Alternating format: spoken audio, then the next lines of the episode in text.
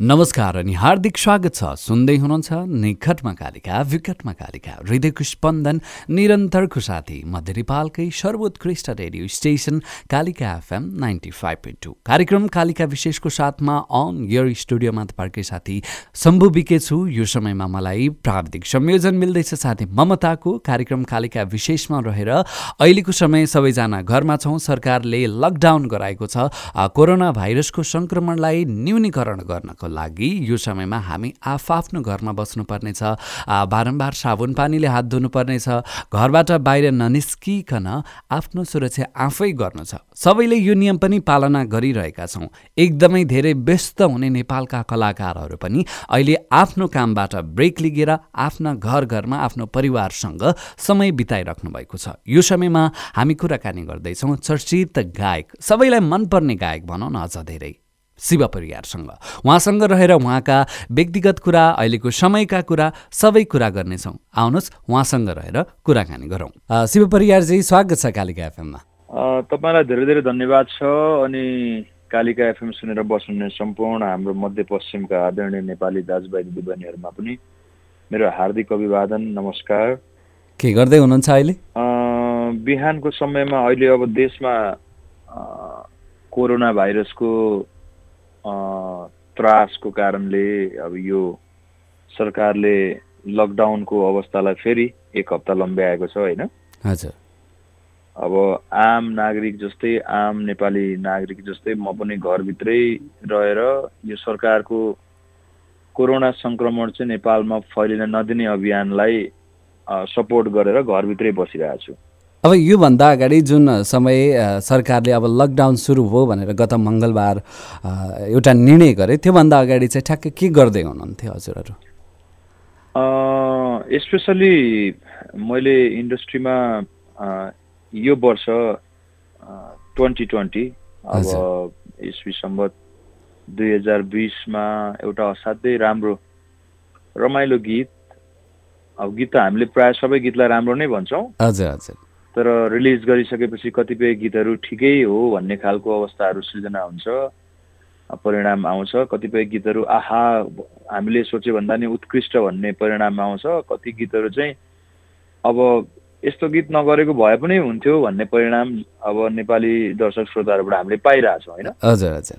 तर अब मेकिङको प्रोसेसमा चाहिँ हामी पनि एकदमै उत्साहित बनाउने खालको हामीलाई पनि यो गीतले केही गर्न सक्छ भन्ने खालको गीतको चाहिँ सम्पूर्ण अडियो काम हामी सकेर भिडियोको लागि चाहिँ एकदमै युद्ध स्तरमा काम गरिरहेको थियौँ। हजुर। र ठ्याक्कै त्यो काम चाहिँ यो लकडाउनले गर्दा स्टप नै भयो। अहिले लकडाउनको अनुभूति चाहिँ तपाईँलाई कस्तो लागिरहेछ? अब प्रायः त अब बिजी बिजी भइन्छ आफू बाहिर बाहिर हिँड्नुपर्ने घरमा प्राय बस्ने समय हुँदैन थियो। अहिलेको समयमा घरै बस्दा चाहिँ कस्तो अनुभव भइरहेछ? अब के हुन्छ भने मान्छेको असीमित इच्छा हुन्छ असीमित चाहना हुन्छ मान्छे भनेको आफ्नो इच्छामा रमाउन चाहने एउटा चेतनशील प्राणी हो होइन? मान्छे आफ्नो इच्छाले जेलमै बस्छु भनेर कसैले इच्छा व्यक्त गरेर ऊ बस्छ भने त उसलाई त्यहाँ इन्जोय हुन्छ क्या जेलभित्र तर यो अहिलेको अवस्था चाहिँ एउटा सन्तास चाहिँ कोरोनाको छ। अब बाहिर निस्किँदाखेरि वा कोरोना पो सर्ने हो कि भिडमा जाँदाखेरि कोरोना पो आउने हो कि। र यो अवस्थामा चाहिँ अब सोसियल डिस्टेन्स कायम नगर्दाको अवस्थामा हुने खतराको कारणले गर्दाखेरि मान्छे चाहिँ घरभित्र बस्न बाध्य छ। अनि यो चाहिँ बाध्यात्मक परिस्थिति भयो क्या। रोगसँग लड्नको लागि संसारको सबै देशका जनताहरूले जसरी घरभित्र आफ्नो सेल्फ क्वारेन्टाइनमा बसेर यो रोगको सङ्क्रमण हुन नदिनको लागि कदम चालिरहनु भएको छ त्यही अन्तर्गत नै नेपालमा पनि त्यो खालको अवस्थाहरू सिर्जना भएर हामी आफ्नै घरभित्र सेल्फ क्वारेन्टाइनमा छौँ। र यो चाहिँ एक खालको अब एकदमै चारैतिर हिँडिरहने डुलिरहने आफ्नो काम गरिरहने आफ्नो प्रोफेसन आफ्नो पढाइ व्यापार व्यवसाय शिक्षा राजनीति खेलकुद जति पनि सेक्टरमा नेपालको जनताहरू इन्भल्भ हुनुहुन्छ कृषि होइन यो सबै कुराहरू काम कारवाही चाहिँ अहिले ठप्प भएको अवस्थामा यो एक हिसाबले रोगको कारणले गर्दाखेरि जनताको जीवनमा चाहिँ एउटा बाध्यात्मककारी परिस्थिति सिर्जना भएको छ घरभित्र बस्नुपर्ने र दुई तिन दिन त मान्छेहरूले रमाएर नै इन्जोय गरे।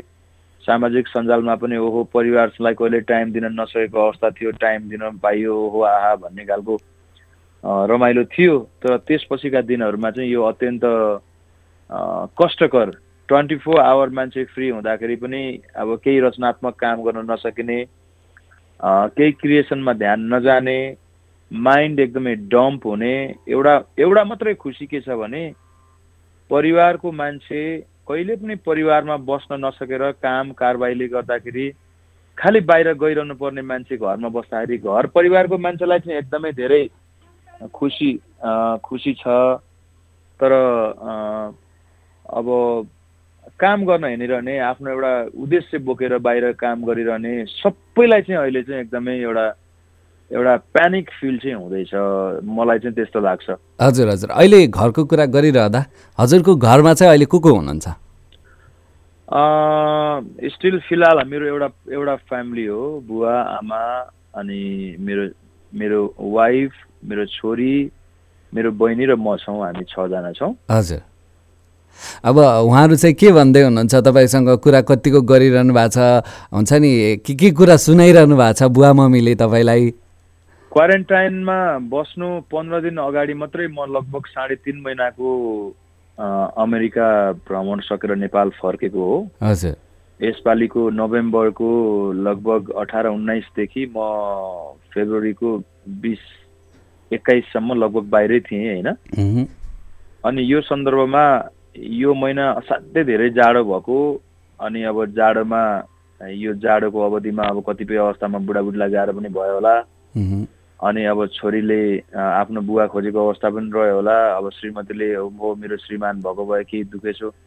राख्थेँ भन्ने अवस्थाहरू पनि थियो होला सँगै भएको बेलामा होइन?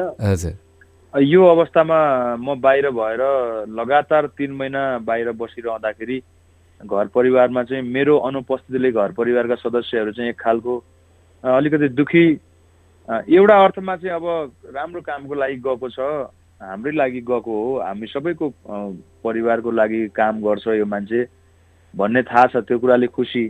तर एउटा अर्थमा चाहिँ परिवारको मान्छे एक हप्ता होइन पन्ध्र दिन होइन तिन तिन महिना लगातार रूपमा चाहिँ परदेशिएको परिवारको सदस्य जस्तो बाहिर भइरहँदाखेरि एक खालको दुःख चाहिँ मेरो घरमा रहेछ। र अहिले त्यो सदस्य चाहिँ क्वारेन्टाइनको कारणले गर्दा लगातार घरमा बसिरहँदाखेरि उहाँहरूलाई चाहिँ एक खालको रमाइलो छ। सबैजना खुसी हुनुहुन्छ।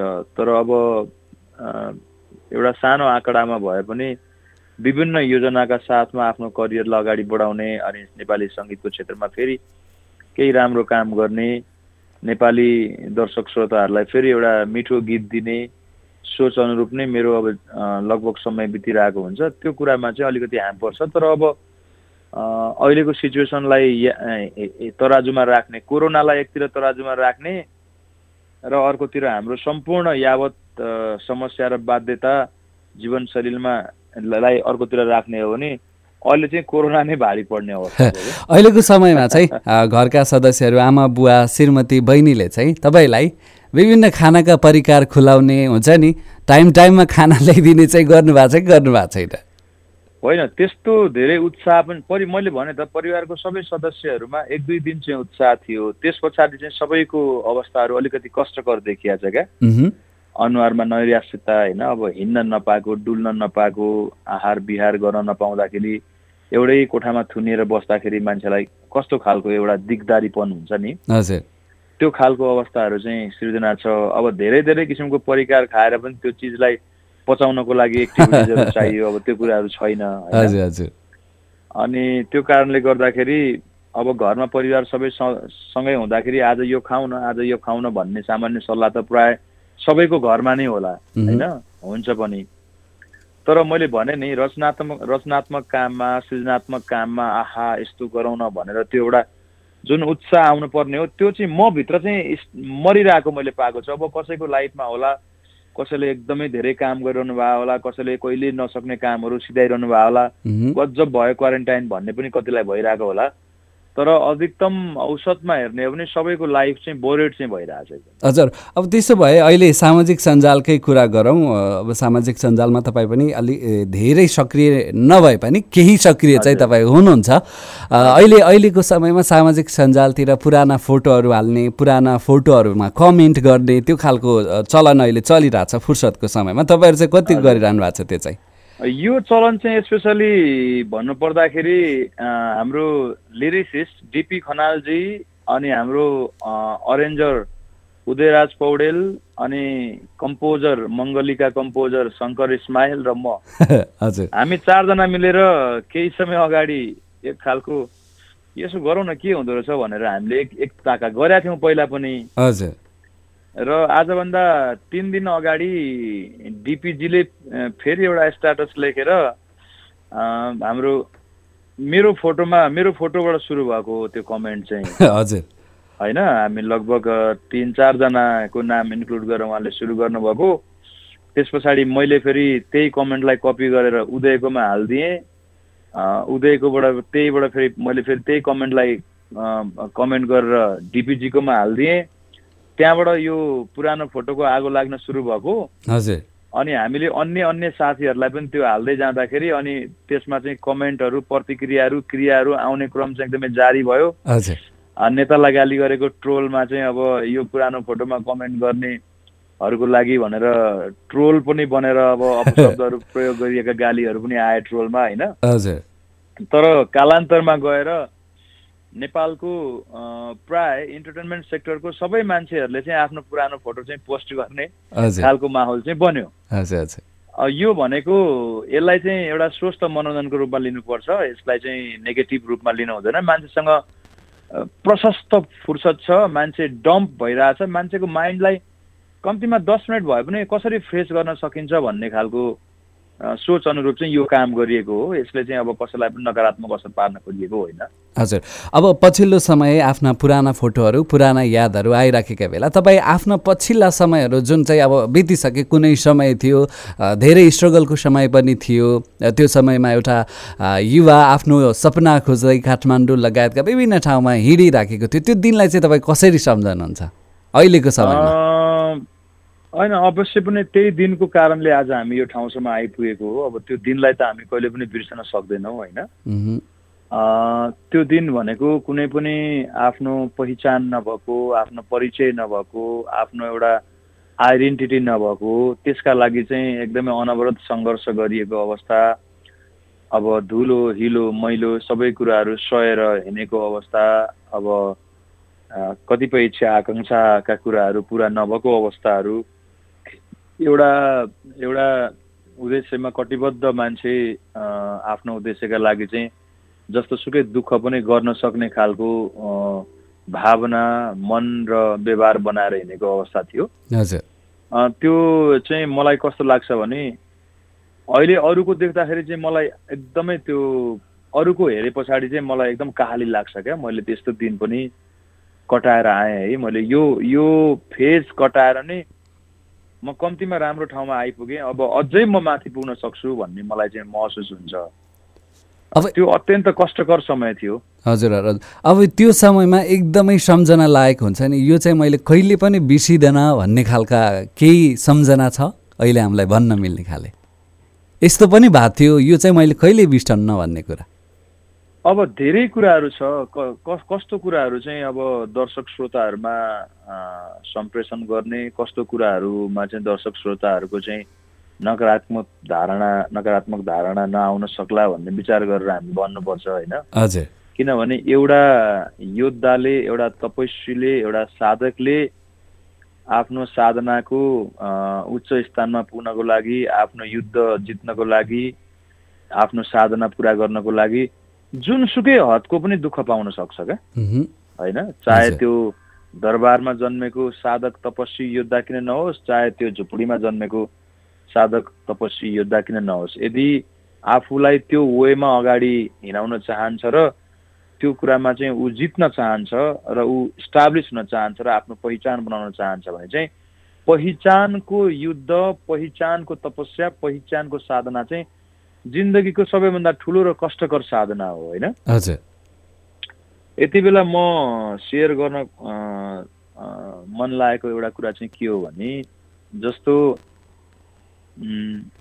सङ्घर्षकै दौरानमा म जापान जाने मौका पाएँ होइन। मेरो जीवनको सबैभन्दा ठुलो ठुलो त्यो मूर्खता पनि भनौँ अथवा मैले त्यस्तो पनि गरेँ भन्छु क्या म होइन? म चाहिँ तपाईँको फुजी माउन्टेन भन्ने छ क्या एउटा जापानमा। हजुर। त्यो फुजी माउन्टेन चढ्नको लागि हिउँै हिउँको पहाड हो त्यो फुजी माउन्टेन भनेको जाप जापानमा प्रसिद्ध माउन्टेन हो। हजुर। त्यो माउन्टेन को बेस क्याम्पमा चाहिँ स्केटिङ खेल्ने एउटा ठुलो स्केटिङ स्थल छ क्या। हजुर। होइन त्यो फुजी माउन्टेन चढ्नको लागि बेस क्याम्प मानिएको ठाउँ। हजुर। त्यहाँ चाहिँ तपाईँको प्रत्येक आवरको पैसा पेमेन्ट गरेर त्यहाँ हिउँ खेल्न सकिन्छ। र सडनली म चाहिँ त्यही ठाउँको नजिकमा चाहिँ प्रोग्राम गर्न गएको थिएँ। र साथीभाइहरूले चाहिँ मलाई त्यहाँनिर जाउँ रमाइलो गरौँ। र भोलि तपाईँ चाहिँ तिन घन्टा जति स्केटिङ गरेर अनि तपाईँ टोकियो जानु होला भन्ने कुरा आयो। अलिकति लामो कथा छ तर एकदमै इन्ट्रेस्टिङ छ है। हजुर अनि हामी जाने बित्तिकै हामी इन्ट्री हुने बित्तिकै हिउँ पर्न सुरु भयो। आहा शिवजी तपाईँ कस्तो राम्रो समयमा आइपुग्नु भयो? आज त हिउँ पनि पर्यो।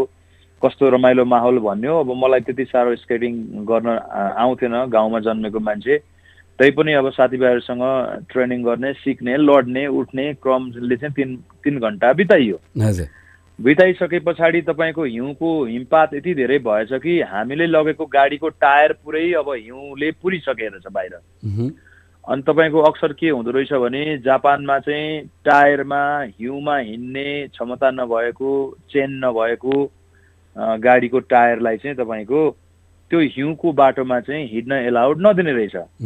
सबभन्दा समस्याको कुरा के हो भने म तिन घन्टाभित्रमा चार घन्टाभित्रमा टोकियो पुगेर एकल साँझ गर्नुपर्ने मेरो बाध्यता थियो।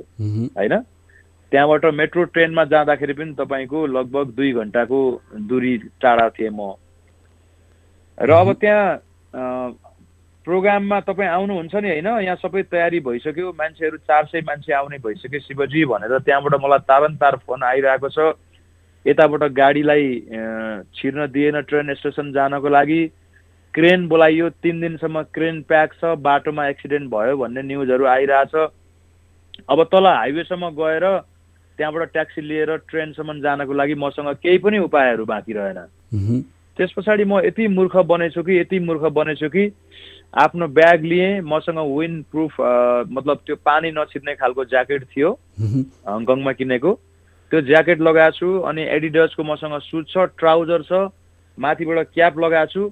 अनि म अब जसरी पनि हाइवे पुगेर म यदि आज टोकियो पुगेन भने जापानमा चाहिँ भोलिपल्ट सबै मिडियामा चाहिँ मेरो नकारात्मक समाचार आउँछ भन्ने सोचेपछि म त्यहाँबाट अब मलाई थाहा छैन त्यो कति लामो यात्रा छ कति तलसम्म कति हिँड्नुपर्छ पनि थाहा छैन। म लगभग एक बित्ता हाइटसम्मको हिउँ झरेको बाटोमा चाहिँ म हाइवेमा झर्नलाई निक्ने बाटोमा अब यात्रा सुरु भयो मेरो।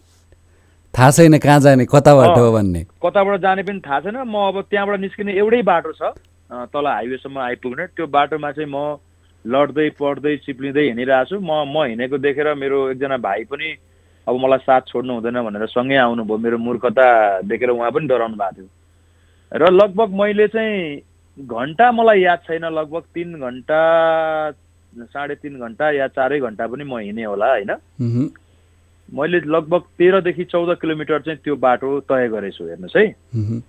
अनि त्यो तेह्रदेखि चौध किलोमिटरको त्यो यात्राको बाटो चाहिँ त्यो चाहिँ निकुञ्ज रहेछ हेर्नुहोस् तपाईँको राष्ट्रिय निकुञ्ज। त्यहाँ चाहिँ हिम चितुवाहरू आउने रहेछ हेर्नुहोस्। है? त्यो हिम चितुवा आउने बाटो चाहिँ चौध किलोमिटरको बाटो चाहिँ म अन्धधुन्द तरिकाले हिँडेर पार गरिसकेपछि मलाई भाइले दाइ तपाईँ त मूर्खको पनि कस्तो खालको मूर्ख हो के हो? तर यति नगरिकन काम पनि सफल नहुने रहेछ यो त बाघहरू हिमचितुवाहरू आउने जङ्गल हुँदै अनि त्यतिखेर मान्छेको संवेदनाको कुरा पनि मैले बुझेँ। कुनै पनि जापानिजले हामी हिँडेको देखेर त्यस्तो अँध्यारो समयमा त्यस्तो हिमपातको बेला गाडी रोकेर तँलाई के भयो तँ कहाँ जानु लागेको भनेर सोधेन। त्यही भएर संवेदना हराएका मान्छेहरू नेपालमा मात्रै होइन संसारका सबै विकसित देशहरूमा छन् भन्ने कुरा पनि थाहा पाएँ। र म निर्धारित समयभन्दा तिन घन्टा ढिलो पुगेँ दस बजे पुगेँ र किचनमै लुगा फेरेर म चाहिँ स्टेजमा गएर तोकिएको समयभन्दा तिन घन्टा पछाडि चाहिँ कार्यक्रम प्रस्तुत गरेँ। मैले मेरो आफ्नो पहिचानको लागि चाहिँ त्यो हदसम्मको सङ्घर्ष गरेको छु होइन? हजुर।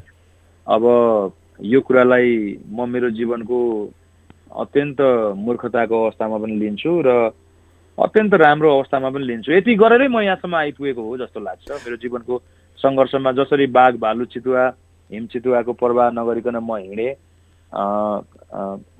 र त्यो समयलाई चाहिँ मैले जितेर सम्पूर्ण नेपाली समक्ष मैले मेरो आफ्नो इज्जत बचाउन सफल भएँ नाम बचाउन सफल भएँ। त्यो भित्रको कहानी कसैलाई पनि थाहा थिएन। शिव परिवार कसरी आयो भनेर तर त्यहाँ म उपस्थित हुन सफल भएँ। यस्तै खालको कामले यो ठाउँसम्म पुगेको हो म चाहिँ जस्तो लाग्छ मलाई चाहिँ अहिले। सेयर गर्न पाउँदा एकदमै धेरै खुसी लाग्यो। अब बच्छ कि बच्दैन पुरा थाहा छैन है। होइन। अवश्य पनि हामी यो लामै कुराकानी छौँ विशेष गरेर अहिलेको समयमा सबैजना अब कोरोना भाइरस कोरोना भाइरस भन्दा पनि यस्ता कुरा सुन्न चाहिँ अलिकति मन पराउनुहुन्छ।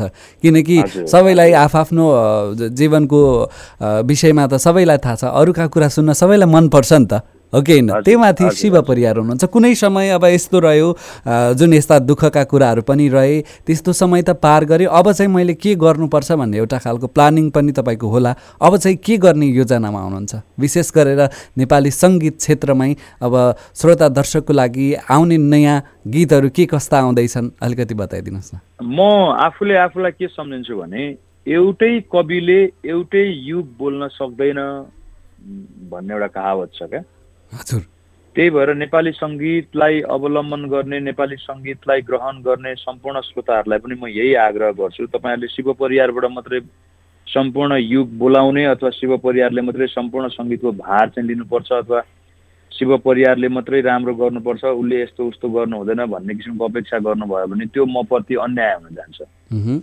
त्यसै कारणले नै सङ्गीतमा विविध विधाहरू आवश्यक भएको हो विविध कलाकारहरू आवश्यक भएको हो र विविध कला क्षमता भएको कलाकार कलाकारिता आवश्यकता भएको।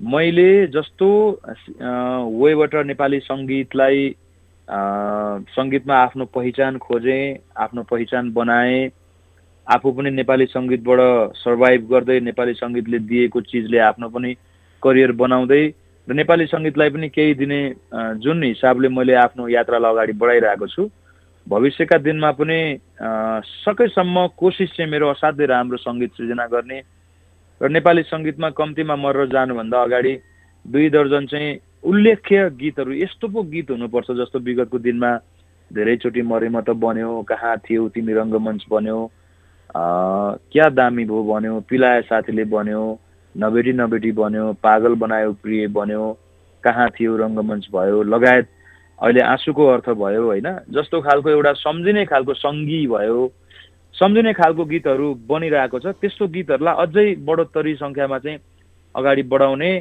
र पछि आउने जेनेरेसनले पनि शिव परिवारको गीतलाई चाहिँ फलो गर्दाखेरि मेरो आवाजको ट्यालेन्ट देखिन्छ। म एउटा राम्रो गायकको रूपमा मञ्चमा ठानिन्छु राम्रो निर्वाह गर्न सक्यो भने भन्ने खालको एउटा सिग्ने शिव परिवार सिग्नेचर सिङ्गिङ बेसको गीतहरू पनि नेपाली सङ्गीतलाई म हस्तान्तरण गर्ने मेरो अहोरात्र कोसिस रहनेछ। सँगसँगै अब बाँच्न एकदमै ठुलो जरुरी छ। मरेपछि बाँच्ने कुरा त आफ्नो ठाउँमा छँदैछ तर जिउँदो भएर बाँच्नको लागि चाहिँ एकदमै ठुलो सङ्घर्ष छ। त्यसको लागि पनि व्यावसायिक तवरबाट पनि म गीतहरू गरिरहन्छु। र अब आफूलाई राम्रो वेमा अगाडि उभ्याउन सक्यो भने सामाजिक काममा पनि मेरो इन्ट्रेस्ट छ। म प्रत्यक्ष रूपमा काहीँ सहभागी भएर काम गर्न नसके पनि समाजको अत्यन्त आवश्यक ठाउँमा अब डोनेसनहरू गर्ने त्यस्तो खालको इच्छाहरू चाहिँ मनमा छ। अहिले तपाईँ आफू पनि यो सङ्गीतको अभ्यासमै हुनुहुन्छ यो बिहानको समयमा पृष्ठभूमिमा हार्मोनियम बजिराखेको छ। हार्मोनियम होइन यो इलेक्ट्रिक तानपुरा हो। ए हजुर हजुर। अनि इलेक्ट्रिक सुरपेटिका हो अनि तालपेटिका चाहिँ मैले अफ गरेको छु। हजुर। ठ्याक्कै बन्द गर्दाखेरि मुड ब्रेक हुन्छ भनेर मैले सानो साउन्डमा बजाइरहेको छु। ल आज कालिका एफएम सुनेर साथ दिनुहुने सम्पूर्णलाई तपाईँको तर्फबाट केही गीत? एउटा गीत आउँदैछ डक्टर चन्द्र गिरीज्यूको शब्द रचना त्यो अघि मैले पृष्ठभूमिमा गीतको बारेमा कुरा गरेँ। हजुर। अनि हाम्रो अहिलेको अत्यन्तै चर्चित सङ्गीतकार दिपक शर्माजीको कम्पोज हो। यही गीत नै हामीले अब कोरोनाको यो लकडाउन पछाडि लगतै हामी रिलिज गर्दैछौँ। कुनामा बसी हेरिरहे नाच्न जानिन साथीहरूले हात ताने मैले मानिन। कुनामा बसी हेरिरहे नाच्न जानिन साथीहरूले हात ताने मैले मानिन। नाच्छु भनी जान खोज्छु हिम्मत गरिन। एकै घुटको पिएपछि लाजै मानिन। नाचे फिरिरी नाचे फिरिरी नाचे फिरिरी। एकै घुटको पिएपछि नाचे फिरिरी। यस्तो खालको गीत चाहिँ हामीले तयार गरेका छौँ अहिले। यो गीतको भिडियो पनि तयार भइसकेको छ कि छायाङ्कन लगभग सबै प्लानिङहरू तयार भइसक्यो। खालि खिच्न मात्रै बाँकी छ त्यो आठ दस दिनमा हामी सबै सकाइहाल्छौँ। हजुर। यो गीतको तयारीमा हुनुहुन्छ त्यसो भए। हजुर अब हामी कुराकानीको अन्त्य अन्त्यतर्फ छौँ। यति बेला सबै आफआफ्नो घरमा हुनुहुन्छ। शिव परिवारको सन्देश के छ? सम्पूर्ण तपाईँका आफ्ना शुभचिन्तकहरूको लागि। नेपालीहरूको जनजीवन सबैको एउटै स्तरको छैन। कसैलाई अब एक महिनासम्म पुग्ने रासन पानी तरकारी सबै फ्रोजन गरेर राख्नुभएको होला। कसैलाई पन्ध्र दिन पुग्ने होला कसैलाई एक हप्ता पुग्ने होला कसैको ग्यास सकिएको होला कसैको नुन सकिएको होला कसैको तेल सकिएको होला कति काम गरेर आज काम गरेर आजै खाने भोलि काम गरेर भोलि खाने श्रोता दर्शक महानुभावहरू जनताहरू पनि हुनुहुन्छ नेपालमा होइन? अब मैले अघि नै भने नि एउटा तराजुमा कोरोना राख्ने र अर्को तराजुमा चाहिँ आफ्नो सम्पूर्ण समस्याहरू राख्ने हो भने पनि अहिलेको अवस्थामा चाहिँ कोरोनाले जित्छ। जीवन रह्यो भने न समस्याहरू हुने हो जीवन रह्यो भने न आवश्यकताहरू हुने हो जीवन रह्यो भने न इच्छाहरू हुने हो। सबभन्दा पहिला जीवन रहनु पर्ने बाध्यता छ। तपाईँहरू जहाँ जसरी जुन ठाउँमा जस्तो अवस्थामा बस्नु भएको छ छिमेकीसँग समन्वय गरेर प्रशासनसँग समन्वय गरेर अहिले केही समयको लागि आफ्नो सास आफ्नो जीवनलाई टिकाइराख्ने बचाइराख्ने प्रयास गर्नुहोस्। अत्यन्त गाह्रो भएको अवस्थामा चाहिँ अब सम्पूर्ण त्यहाँ नजिकको छिमेक मार्फत हुन्छ अथवा प्रत्यक्ष रूपमा हुन्छ प्रशासनलाई खबर गरेर त्यो अत्यावश्यक अवस्थाहरूको जानकारी गराएर पनि तपाईँहरू आफ्नो जीवनलाई सर्भाइभ गर्न सक्नुहुन्छ। अहिलेको अवस्था भनेको अहिलेसम्म औषधि पत्ता नलागेको अत्यन्त यो रहस्यमय रोग कोरोना कोभिड नाइन्टिनको प्रकोपले संसार आक्रान्त छ मृत्यु दर एकदमै धेरै बढिरहेको छ। संसारका पोलिटिकल लिडरहरू संसारका जनताहरू आक्रान्त भएको अवस्थामा हामीले पनि सरकारको यो अहिलेको यो सेल्फ क्वारेन्टाइन र लकडाउनको कुरालाई चाहिँ घरमै बसेर सपोर्ट गर्न सक्यौँ भने हामी चाहिँ रोगबाट बच्न सक्छौँ। यो रोगलाई देशमा चाहिँ सङ्क्रमण फैलिन नदिन सफल हुन्छौँ।